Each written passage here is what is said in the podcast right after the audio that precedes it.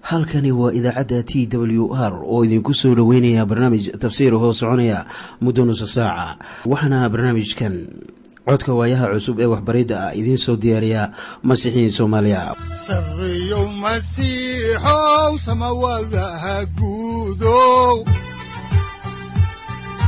Siraadkii adduunkow subanaha eebow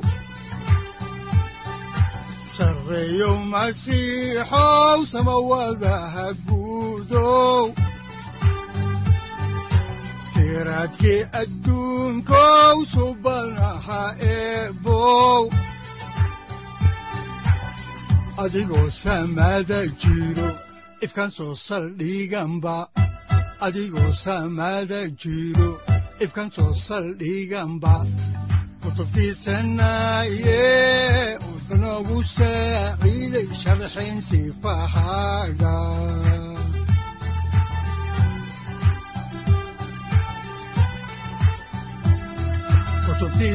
kutubtiisinayow ebanagu saaciid sharxayn sifahaaga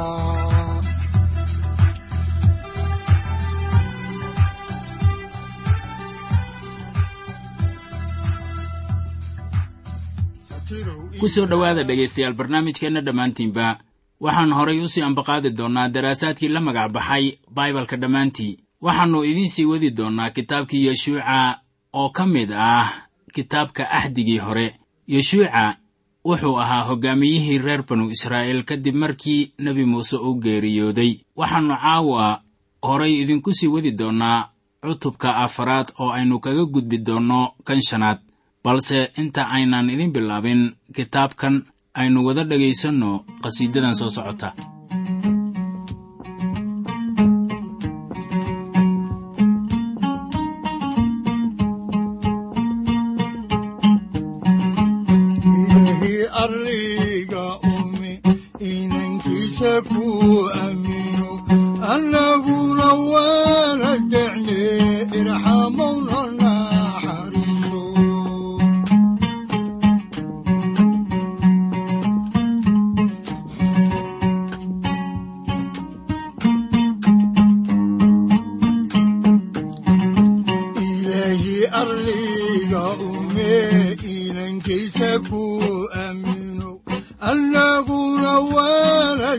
decne irxamowna naxariiso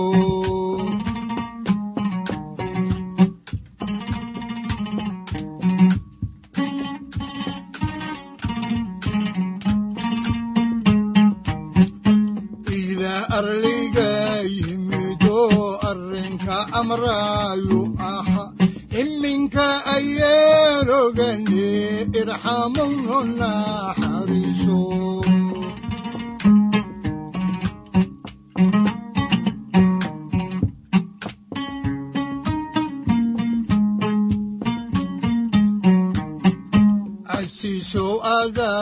adaa casumo cunugagi ugu ciyo carshigaga ceedka siiye irxamowna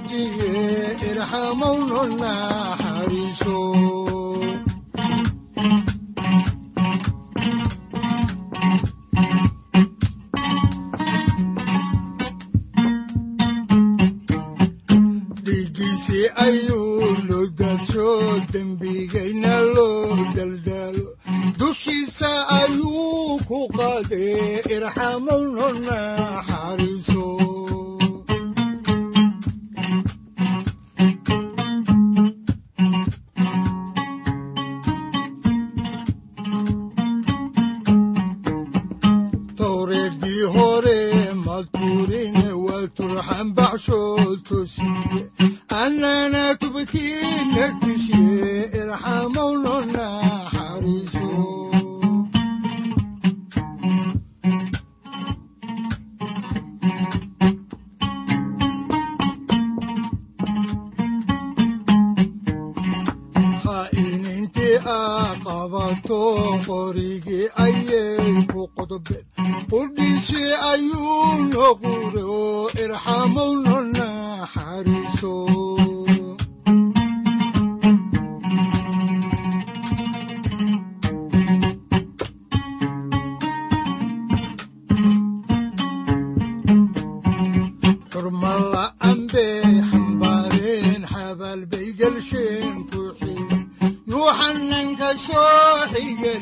markii noogu dambaysay waxay inoo joogtay waxyaabaha ay matalayso gudbiddan ay reer banu israa'iil ka gudbayaan webiga jordan.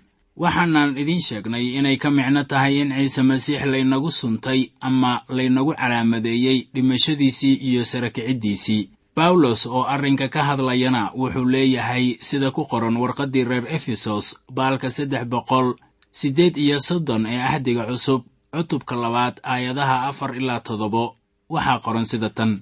Laakiinse ilaaha naxariista hodanka ka ahu wuxuu inagu jeclaaday jacaylkiisa weyn oo sidaas daraaddeed markii aynu xadgudubyadeenna ku dhimannay wuxuu inala soo noolaysiiyey masiixa.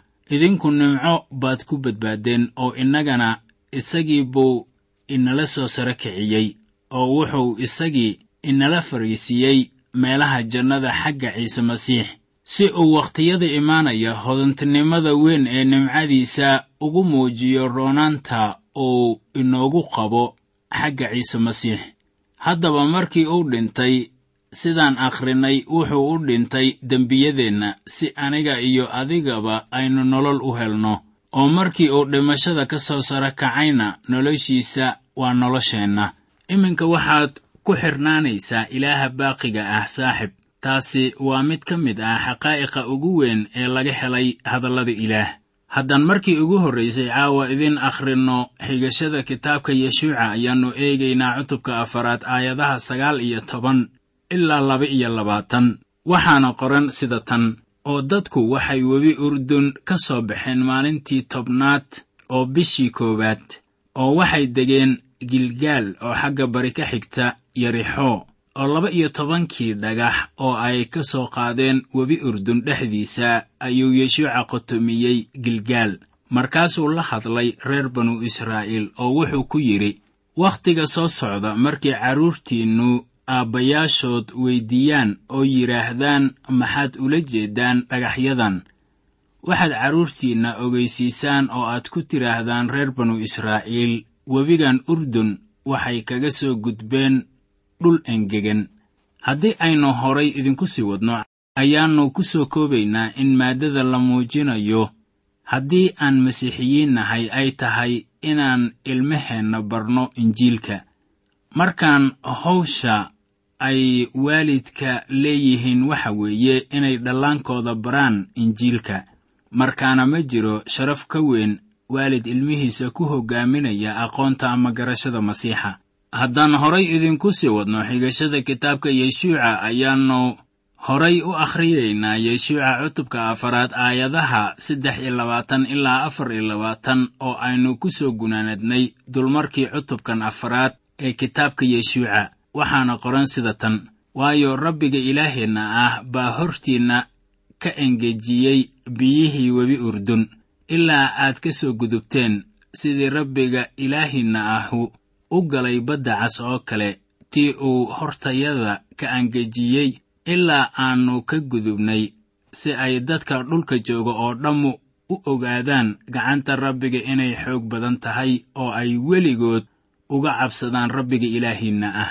Haddaba ilaah muxuu sidaas u yeelay waa markii uu sidaan mucjisada leh u tillaabsiinayey webiga urdun reer banu israa'iil. Danta laga lahaa waxay ahayd in dadka dhulka oo dhan ay gartaan ilaaha samada inuu yahay mid xoog badan waana lagu guulaystay arrinkaasi. Waxaa danta weyn ay ahayd in markii qurumaha dunida ay maqlaan ilaaha reer banu israa'iil ay wada jareeyaan ama cabsi ay la gariiraan sidii reer kancaan ku dhacday oo kale markaasoo ay maqleen in reer banu israa'iil ay ka soo gudubtay webiga urdun. Haddaba qaar ka mid ah waxyaabaha ay tahay in lagu xusuusto cutubkan ayaa wuxuu yahay in loo horumariyey sanduuqa axdiga ka hor intaanay biyuhu qaybsamin markii ay soo gaareen webiga urdun. Markan laguma dhufanin biyaha ushii nebi muuse. Sanduuqa axdiga ayaa hore loo mariyey iyadoo ay wadaan wadaaddada innagana waxaa hormood inoo ah masiixa dhimashadiisa aawadeed laakiin wuxuuse inagu sara kicinayaa nolosha. Waxaannu iminka soo gaarnay cutubka shanaad waxaana mawduucaas uu ka hadlayaa shuruudda ay leedahay qabsashada magaalada. Cutubkan waxaan ku baranaynaa wax ku saabsan gudniinka oo la qabanayo. Waxaana la waayi doonaa maannadii ay reer banu israa'iil cunayeen ilaa iyo iminka. Waxayna bilaabeen inay cunaan haruurkii hore ee dalka ka soo baxay kuwaasoo ay dadka magaalada laga qabsanayo ay lahaayeen. Waxaan kaloo arkaynaa ugu dambaynta in yeshuuca uu arkay dhammaha aan la arag ee ilaaha ciidamada oo loola jeedo malagga rabbiga. Yeshuuca wuu u baahnaa inuu arko muuqaalkan waayo wuxuu ka hadlayaa dhiirogelin saddexdan waxyaabood waa muhiim inay bannaanka yimaadaan waxaanse ku bilaabaynaa maaddada koowaad ee mawduuceenna waxaana weeye in cabsi ay ku dhacday reer amoorkii dhulka degganaa dadka qaarkii bay la tahay in wakhtigaasi qowmiyaddan la yidhaahdo falastiin ay degganayd dhulkaasi laakiin kitaabku wuxuu inoo sheegayaa in dhulkaas ay degganaayeen qabiilada la kala yidhaahdo reer omor iyo reer kancaan mase ahayn nimanka carabta ah ee loo yaqaano falastiin kuwii ilaah uu ka saaray dhulkaasi. Carabta waagaasi colla ma ahayn reer banu israa'iil. Bilxaqiiqa walaalo isweheshada ayay wakhti dheer ahaayeen waayo waxaannu idiin sheegnay in ismaaciil iyo isxaaq ay wada aaseen aabbahood nebi ibraahim. Markaannu baranaynay kitaabka bilowgii waad garan kartaa jaceylka u dhexeeyey labadaasi walaalaha ah wakhtiyadaas. Hase yeeshee nacaybka iminka taagan wakhti sii horreeyey buu bilowday. Laakiin gunta xaajadu waxay tahay inaan reer banu israa'iil ayan waddanka ka eryanin wakhtigan isaga ah niman carab ah. Haddaan xigashada kitaabka dib ugu noqonno ayaannu idin akhriyaynaa kitaabka yeshuuca cutubka shanaad aayadda koowaad waxaana qoran sida tan oo boqorradii reer amor oo dhan oo joogay webi urdun xagga shishe oo galbeed iyo boqorradii reer kancaan oo dhan oo badda dhinaceeda degganaa markay maqleen sida rabbigu biyihii webi urdun u engejiyey. Reer banu israa'iil hortooda ilaa aannu soo wada gudubnay ayay wada dhalaaleen oo xoog dambana kuma jirin. Reer banu israa'iil aawadood xaaladdii fatahaadda ee uu webiga ku sugnaa aawadeed ayaa reer omor iyo reer kancaan ayan malaynaynin in israa'iiliyiintu ay iminka ka soo gudbi karaan webiga. Waxay la ahayd inay ka soo gudbi doonaan webiga markii xaaladda fatahaadda webigu ay dhammaato. Waxay sida abbaarta ah la ahayd inay haystaan wakhti dagaal laysku diyaariyo waxayna ka naxeen markii ay maqleen in ilaah uu awoodsiiyey inay webiga ka gudbaan xilligan. Waxaannu iminka eegaynaa maaddada kale ee qusaysa gudniinka. Haddaan xaalka gudniinka ee halkan looga hadlayo idiin meerinno ayaannu ka eegaynaa kitaabka yeshuuca cutubka shanaad aayadaha laba ilaa shan waxaana qoran sida tan. Oo markaasuu rabbiga wuxuu yeshuuca ku yidhi waxaad samaysaa mindiyo dhagax adag ah oo reer banu israa'iil haddana ku gud mar labaad markaasaa yeshuuca wuxuu samaystay mindiyo dhagax adag ah oo wuxuu reer banu israa'iil ku guday meel la yidhi buurta buuryada. Oo yeshuuca sababtii uu u gudayeyna waxay ahayd sidan dadkii dalkii masar ka soo baxay oo dhammu intii labka ahayd xataa raggii dagaalyahanada ahaa oo dhammuba waxay ku dhinteen cidlada. Intay jidka ku jireen markay masar ka soo baxeen dabadeed oo dadkii soo baxay oo dhammu way wada gudnaayeen. Laakiin kulli dadkii cidlada ku dhashay intay jidka ku jireen markay masar ka soo baxeen dabadeed kuwaas lama gudin. Faracii cusbaa waxay iloobeen xeerkii gudniinka taasoo astaan u ahayd axdigii ilaah oo la dhigtay nebi ibraahim. Axdigan nebi ibraahim ayaan filayaa inaad xusuusato. Waayo waxaan siinayaa israa'iil ama ay ku yeelanayaan dhulkan kancaan.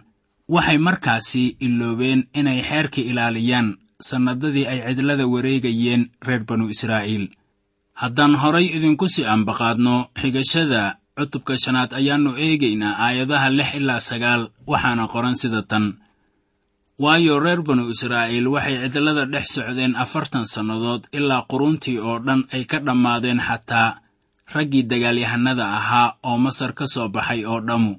Waayo waxay maqli waayeen codkii rabbiga kuwaas oo rabbiga uu ugu dhaartay inaannu oggolaanaynin inay arkaan dalkii rabbigu uu ugu dhaartay awowayaashood inuu annagana ina siin doono dalkaas oo ah dal caane iyo malab la barwaaqaysan oo carruurtoodii oo uu rabbiga meeshoodii ka kiciyey ayaa yeshuuca u guday. Maxaa yeelay waxay ahaayeen buryaqab waayo jidka laguma soo gudin oo markay quruntii oo dhan wada gudeen waxay iska joogeen meelahoodii ahaa xerada dhexdeeda ilaa ay ka bogsadeen.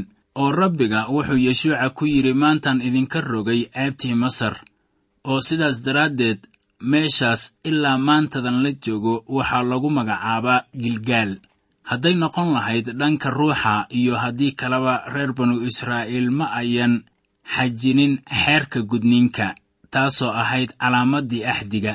Reer banu israa'iil afartan sannadood ayay lamadegaanka ku dhex lugaynayeen ilaa raggii oo dhan ee ka soo baxay masar oo ahaa raggii dagaalka ay wada dhinteen.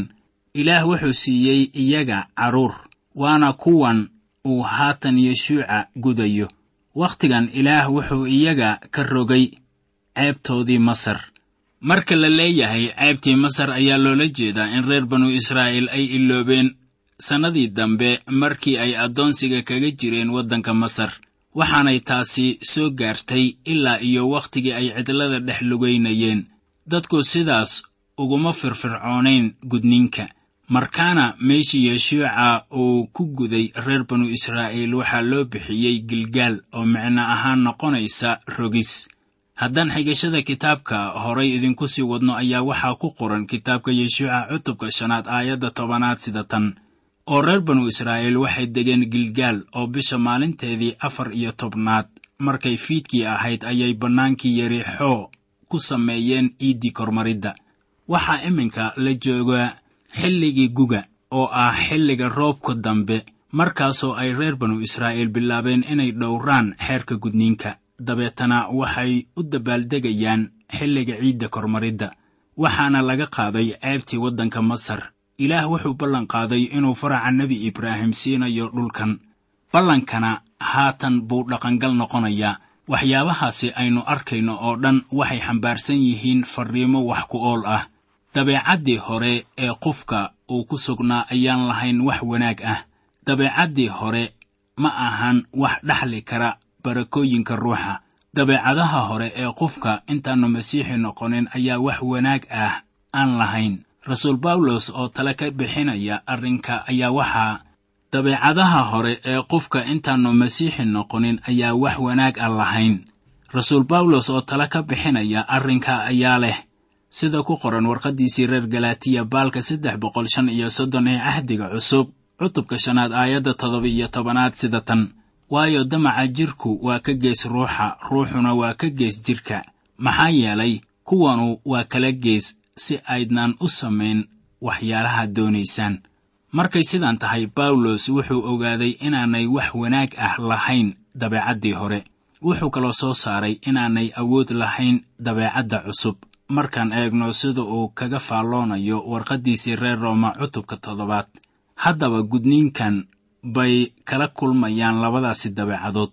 Waa tii hore ee ilowshaha iyo caajiska iyo tan cusub oo ah inay amarada rabbiga iyo axdiyadiisaba dhowraan. Haddaan horay idinku sii wadno xigashada kitaabka ayaannu eegaynaa kitaabka yeshuuca cutubka shanaad aayadaha kow iyo toban ilaa laba iyo toban waxaana qoran sida tan. Oo maalintii iidda kormaridda ka dambaysay waxa ay cuneen haruurkii dalkii ka baxay kaasoo ahaa kibis aan khamiir lahayn iyo haruur la dubay maalintaas qudheeda oo maannadiina maalintii dambe ayay joogsatay markay cuneen haruurkii dalkii ka baxay. Dabadeed oo reer banu israa'iilna ma ayan helin maanna dambe. Laakiinse sannadadaasi waxay cuneen midhihii dalkii kancaan ka baxay haddaba maannada waxay noqonaysaa sawir u taagan masiixa sida laynoogu sheegayo kitaabka axdiga cusub. Ciise masiix ayaa leh sida ku qoran injiilka sida yooxanaa uu u qoray baalka boqol toddobaatan iyo afar ee axdiga cusub. Cutubka lixaad aayadaha sagaal iyo afartan ilaa konton iyo kow sida tan. Tanu waa kibistii samada ka soo degtay in qof kasta oo cuno oo uusan dhiman. Anigu waxaan ahay kibista nool ee samada ka soo degtay haddii qof uun kibistan u cuno weligiis wuu noolaan doonaa oo kibistan siin doono waa jirkayga. Nolosha dunidan aawadeed. Haddaba maannadu waxay u taagan tahay dhimashadii masiixa. Isagu waa kan ka yimid samada oo dunideenna yimid si uu noloshiisa ugu bixiyo furashada kuwa badan. Markii reer banu israa'iil ay soo galeen dhulka oo ay cuneen haruurka dhulka ee baxay ayaa maannadii la waayey waxayna bilaabeen inay haruurka dhulka cunaan wixii intaasi ka dambeeyey. Iminka waxaynu soo gaarnay maaddadii ugu dambaysay ee cutubka shanaad ee ku saabsanayd malaggii rabbiga oo u muuqanaya yeshuuca oo ahaa hoggaamiyaha dadka reer banu israa'iil haatan. Si markaasi aynu xaalkaasi wax uga ogaanno ayaa waxaa habboon inaannu isla eegno xigashada kitaabka yeshuuca cutubka shanaad aayadaha saddex iyo toban ilaa shan iyo toban waxaana qoran sida tan. Oo markii yeshuuca uu joogay yarixo agteeda ayuu indhihiisa kor u taagay uu wax fiiriyey oo wuxuu arkay nin isaga ka hor jeeda oo seeftiisii oo galla gacanta ku haysta. Markaasaa yeshuuca intuu u tegay ku yidhi war ma annagaad naga geystahay mise colkaygaad la geystahay markaasuu isna wuxuu ku yidhi maya laakiinse waxaa haatan aan u imid inaan madax u ahaado ciidanka ilaah. Markaasaa yeshuuca wejigiisii dhulka saaray wuuna sujuuday oo wuxuu isagii ku yidhi sayidkaygiyow maxaad anoo addoonkaaga ah igu odhan lahayd? Markaasaa kii ciidanka rabbiga madax u ahaa wuxuu yeshuuca ku yidhi kabtaada iska siib waayo meeshaad ku taagan tahay waa quduus oo yeshuucana sidaasuu yeelay haddaba waxaa halkan laynoogu yeerayaa yeshuuca oo lagu howlgelinayo. Waxay la mid ahayd tanu si la mid ah sidii ilaah nebi muuse uu uga yeedhay cidladii reer midyan. Markaasoo u arkay duur gubanaya. Nebi muuse waxaa loo sheegay inuu kabihiisa iska siibo waayo dhulkii uu ku taagnaa wuxuu ahaa dhul quduus ah. Waxaan ka helaynaa baxniintii. Waa kitaabkan horay u soo akhrinaye cutubka saddexaad aayadda shanaad. Reer banu israa'iil waxay ka gudbeen webiga urdun oo waxaa la dejiyey dhanka kale. Maalin maalmaha ka mid ah ayaa yeshuuca wuxuu sida abbaarta ah soo kacay aroor hore oo wuxuu eegayey sida jawiga uu ahaa. Waxaa halkaasi ka dhisnaa laba-iyo tobankii qabiil teendhooyinkooda oo ku wareegsanaa meesha uu deggan yahay markii uu eegay teendhooyinkaas ayaan hubaa inuu sharaf iyo wanaag ku taamayey markii uu teendhooyinkaas eegayey ayaa waxaa si lama filaan ah uu ku arki karay nin teendhooyinka geeskooda taagan oo sita seefgalka uu ka baxsan yahay. Yeshuuca waxaa laga yaabaa inay la noqotay inuu yahay qofkaasu mid aan garanaynin in isagu uu yahay abaanduulaha ciidamada reer banu israa'iil isla markiiba wuu u soo dhowaaday markaasuu ku yidhi war ma annagaad naga geystahay mise colkaygaad la geystahay wuxuu xaqiiqa ahaan lahaa war yaa ku siiyey amarka aad seeftaada galka uga bixisay. Markaan soo koobo yeshuuca ma uusan garan cidda ninkani uu ahaa markii hore. Dabeeto ninkaasi oo aan anigu hubo inuu ahaa ciise masiix qudhiisa intaannu dunida imaanin baa inta yeshuuca uu u soo jeestay ku yidhi war anigu waxaan ahay madaxa ciidanka ilaah. Waxaad ogaataa sida yeshuuca hadalkaasi uu kaga jawaabay isla markiiba wejigiisii buu dhulka dhigay. Soo haddaba arki maysid yeshuuca wuxuu gartay in ilaah horseed uu u yahay ciidamada uu horkacayey waxay ahayd inuu yeshuuca amar ka qaato malagga rabbiga.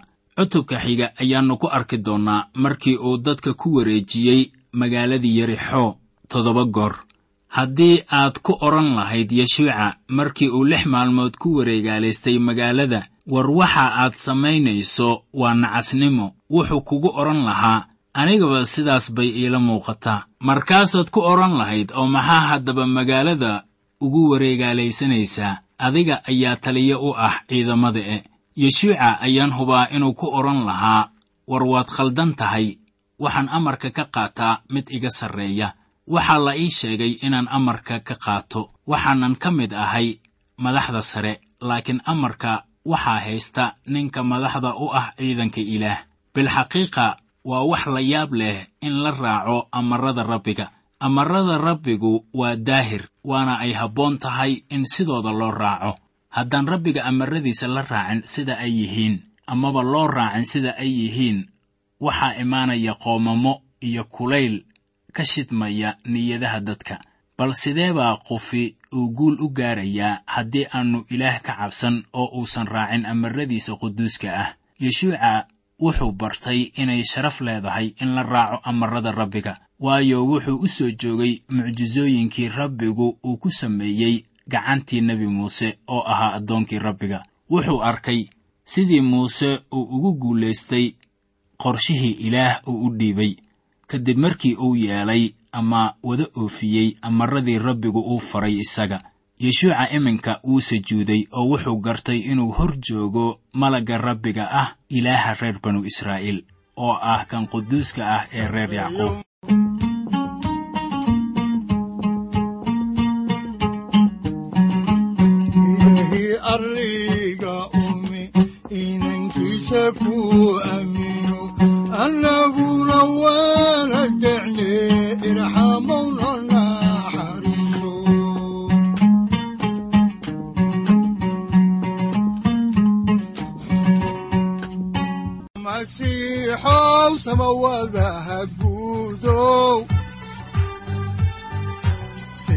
siraadkii adduunkow subanaha eebow adigoo samada jiro ifkan soo saldhiganba adigoo samada jiro ifkan soo saldhiganba saaciiday halkani waa t w r idaacadda t w r oo idinku leh ilaa ha idin barakeeyo oo ha idinku anfaco wixii aad caawi ka maqasheen barnaamijka. Waxaa barnaamijkan oo kalea aad ka maqli doontaan habeen dambe hadahan oo kale haddiise aad doonaysaan in aad fikirkiina ka dhiibataan wixii aad caawi maqasheen ayaad nagala soo xiriiri kartaan som t w r at t w r c o k e haddii aad doonaysaan in aad dejisataan oo kaydsataan barnaamijka ama aad mar kale dhegaysataan fadlan mar kale booqo www t w r o r g amase www t t b t w r o r g. Amase waxaad teleefoonkaaga ku kaydsataa ama ku download garaysataa agabyada ku sahli karaa dhegeysiga t w r haddii aad doonayso in laga kaalmeeyo dhinacyada fahamka kitaabka amase aad u baahan tahay duco fadlan fariimahaaga soo mari bogga aaraahda ama kommentska inana jawaab degdeg ah ayaanu ku soo diri doonaa amase ku siin doonaaye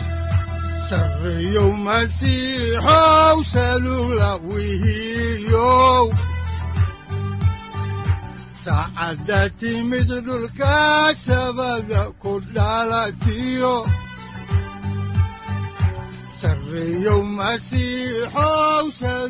halkani waa t w r oo idiin rajaynaya habeen baraare iyo barwaaqaba leh. Inta aynu ka gaari doono wakhti aynu ku kulanno barnaamij la mida kan caawayay aad maqasheen. Waxa aan idinku leeyahay nabadda ciise masiix ha idinku badato xagga jidhka iyo ruuxaba. Aamiin